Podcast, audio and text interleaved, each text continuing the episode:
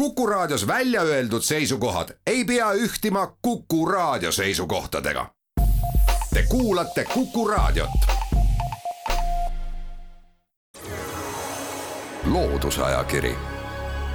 vaata ka looduseajakiri.ee.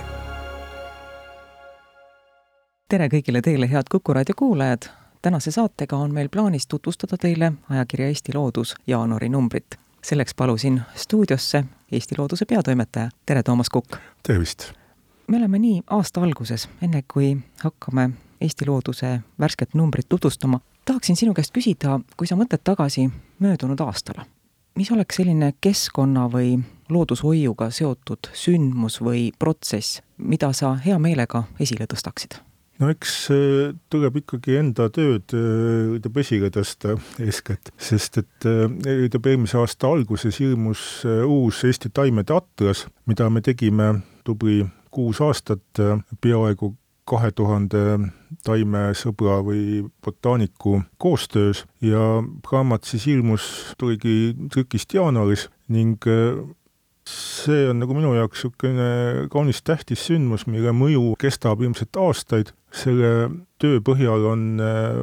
Eesti taimede ohustatus saanud uued hinnangud, et me nüüd teame, et mõned taimed, keda me kümme aastat tagasi või tegelikult viisteist aastat tagasi, kui ilmus eelmine taimeatlas kaks tuhat viis, pidasime Eestis täiesti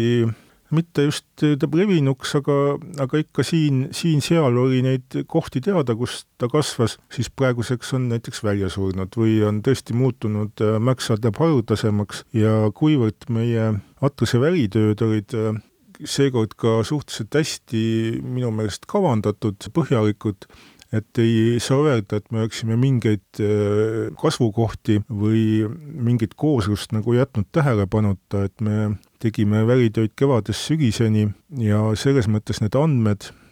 mis on tegelikult kõik ju teab avalikud äh, veebis kättesaadavad, on äh, päris suur nii-öelda panus Eesti botaanikasse ja see on ka selline andmebaas, mida saab teaduslikus töös mitut moodi kasutada ja eks me edaspidi nüüd, ütleb järgnevatel aastatel nüüd päris sama innukalt uut taimeatrist tegema ei hakka. Mingi kümne aasta pärast võiks muidugi uus selline eh, kokkuvõte uuesti tulla,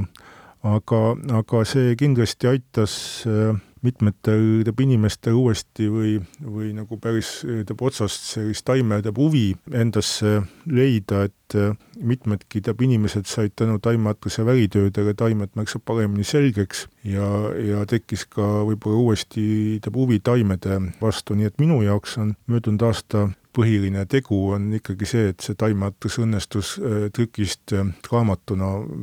teeb avaldada. üks selline üldisemat laadi küsimus on mul veel sulle.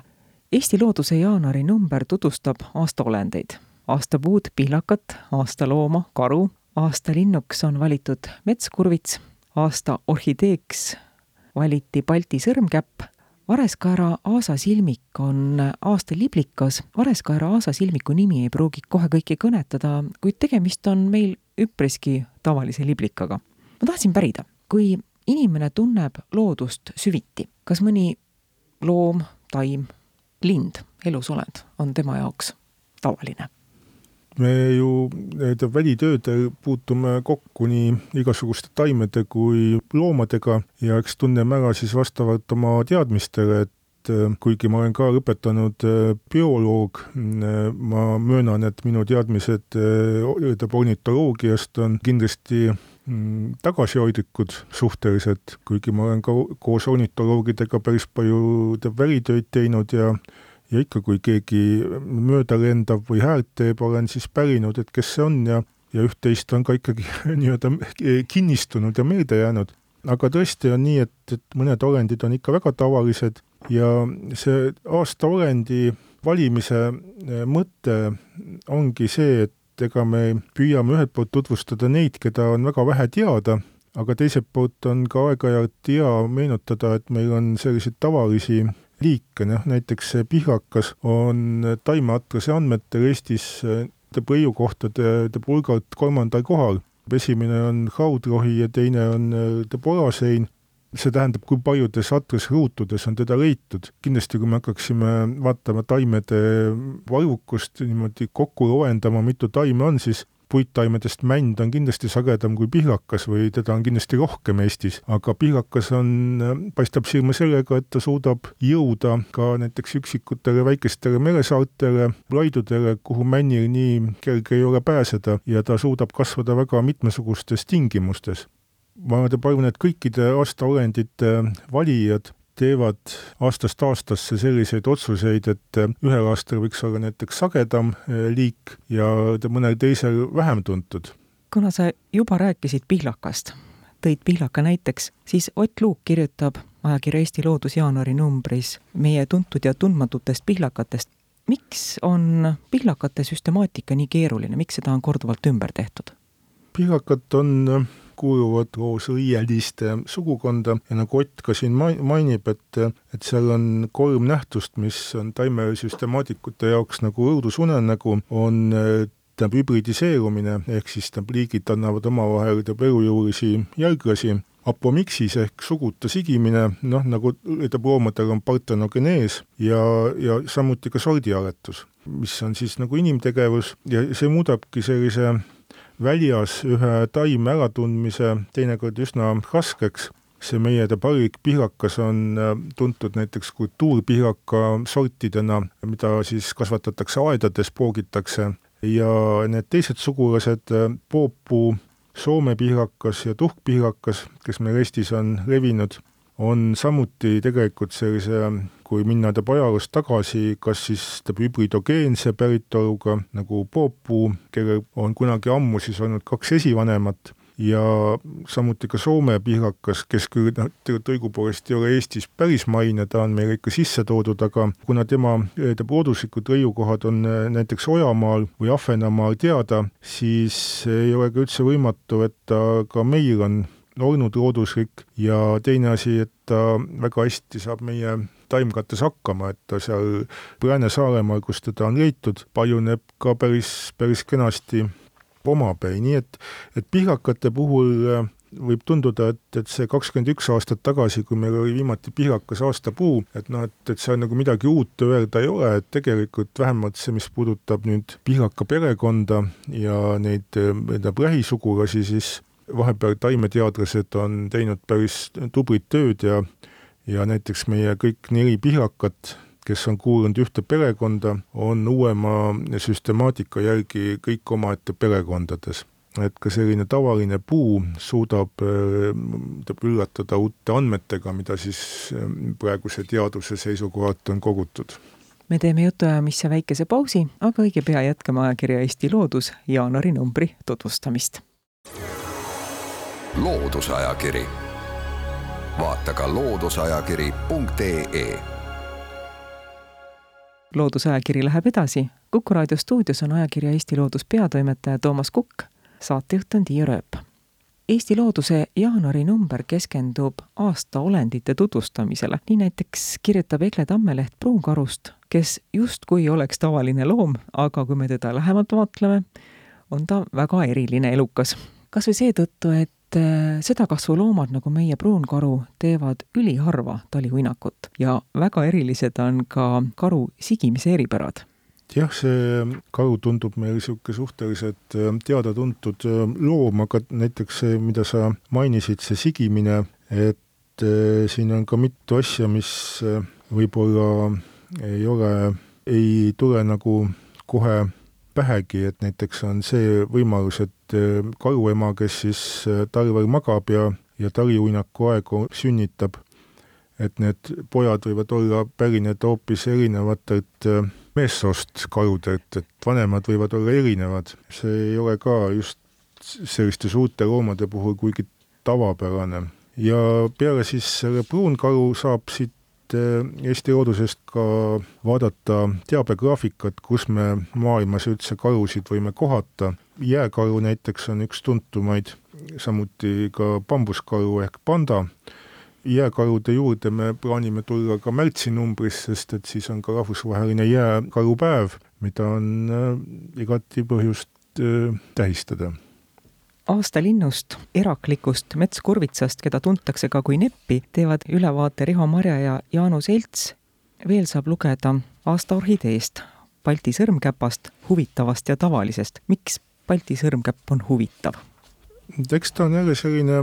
taimesüstemaatikute teab huvi eeskätt, sest et see sõrmkäpa perekond on päris suur, Eestis on ka siin peaaegu kümmekond äh, liiki, omavahel nad äh, teab hübridiseeruvad ja annavad üsna kergesti uusi taksoneid, et meil siin Eestis on näiteks teada Puhtu sõrmkäpp, kes siis nagu nimi ütleb, kasvabki ainult Puhtus maailmas. Ja eks ta on ka siin kohapeal kujunenud, ilmselt võib-olla viimase tuhatkonna aasta jooksul. Ja samuti ka Balti sõrmkäpp, et ta on selles mõttes tähelepanuväärne taim ka, et tema nii-öelda tüüp eksemplar, mille põhjal see liik on teadusele kirjeldatud umbes sada kakskümmend aastat tagasi, veidi rohkem, on kogutud Eestist, nii et see nimi Balti viitab tema teab revilale eeskätt, aga ta on maailmas ka märksa laiemalt levinud kui Baltikumis. selles mõttes on ta täiesti huvitav, et ta on Poolast alates kuni Soome, Rootsi ja Venemaani ja erinevalt mitmetest teistest orhideedest, kes kipuvad inimtegevuse tõttu tõttu kaduma, on tema endale leidnud päris sobilikud äh, kasvukohad näiteks mahajäetud põldudel või maanteeservadel, nii et tema on üks liik, kelle teab arvukus Eestis on näiteks kindlasti suurenenud viimase paarikümne aasta jooksul, et me ei pea muidugi kartma, et ta nüüd muutub selliseks ohtlikuks taimeks, keda peaks hakkama ohjama, aga, aga ta on jah, silmapaistvalt oma levikut Eestis teeb laiendanud, sellised mahajäetud heinamaad talle sobivad hästi ja ta võib nendel kasvada sadade taimedena, kohati ka väga tihedalt, aga kuna ta ei ole väga pikaealine taim, siis, siis need leiukohad ei pruugi väga kestvad olla, et läheb mingi kümmekond aastat mööda ja taim on siis kas jällegi kadunud või on, on vähesed taimed järgi jäänud ja eks siis on kuskil mujal sobivas kohas jälle tekkinud uus populatsioon kui me lehitseme ajakirja Eesti Loodus jaanuarinumbrit edasi, siis me leiame siit intervjuu, mille sa tegid ornitoloog Jaanus Eltsiga. Jaanus on küllalt palju tegelenud muuhulgas ka avamaastike ja põllumajandusmaastikel elavate lindude uurimisega. sellest on ka ilmselt sündinud intervjuu pealkiri Põllumajanduses saavad linnud ka kasu. kui te Jaanusega omavahel rääkisite, mis teie vestlusest koorus välja sellist, mis oli sinu jaoks uus ja üllatav?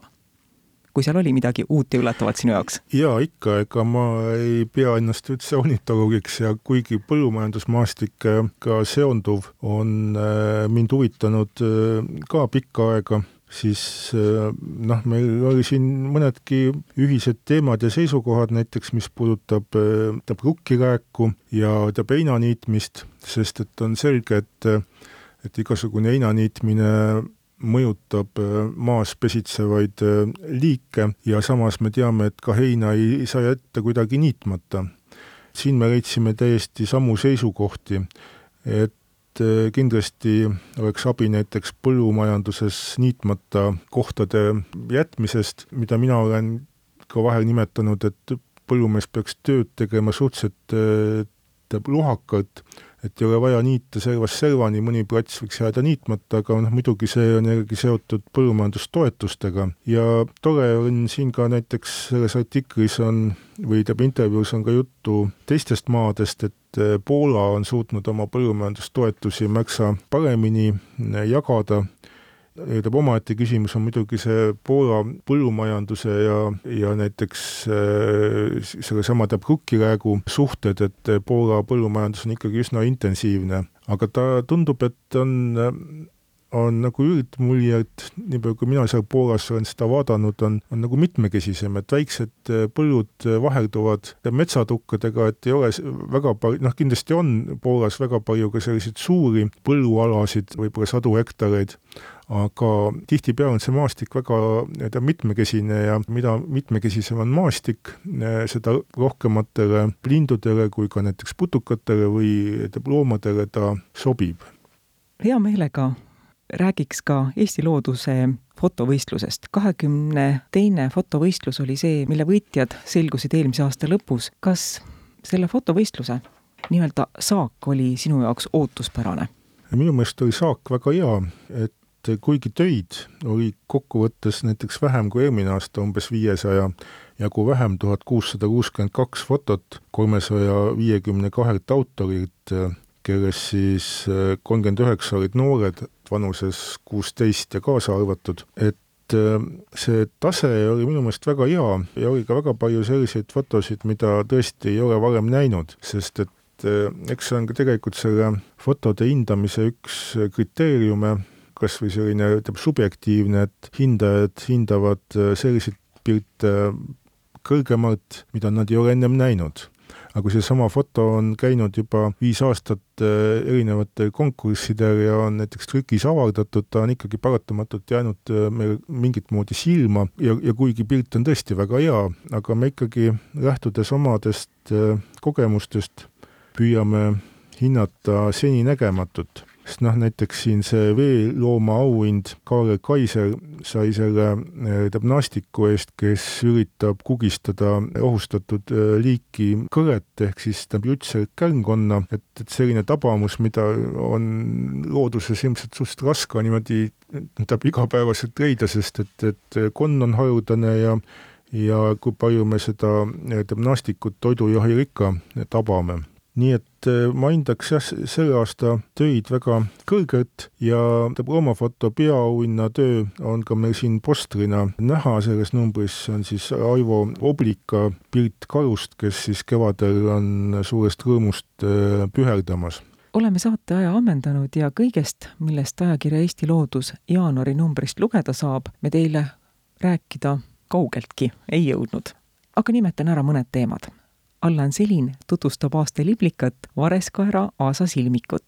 Raimo Kõlli ja Enn Leedo teevad ülevaate aasta mullast, milleks valiti tehismuld. Piret Pappel kirjutab rubriigis abiks õpetajale jäälilledest ning Mati Maasing kutsub üles tegema nahkhiirte keldrite kaitsetöid. teemasid on teisigi veel, aga saatejuht Tiir Ööp tänab kuulajaid ja külalist, ajakirja Eesti Loodus peatoimetajat Toomas Kukke. aitäh teile, jälle kuulmiseni! Loodusajakiri, vaata ka looduseajakiri.ee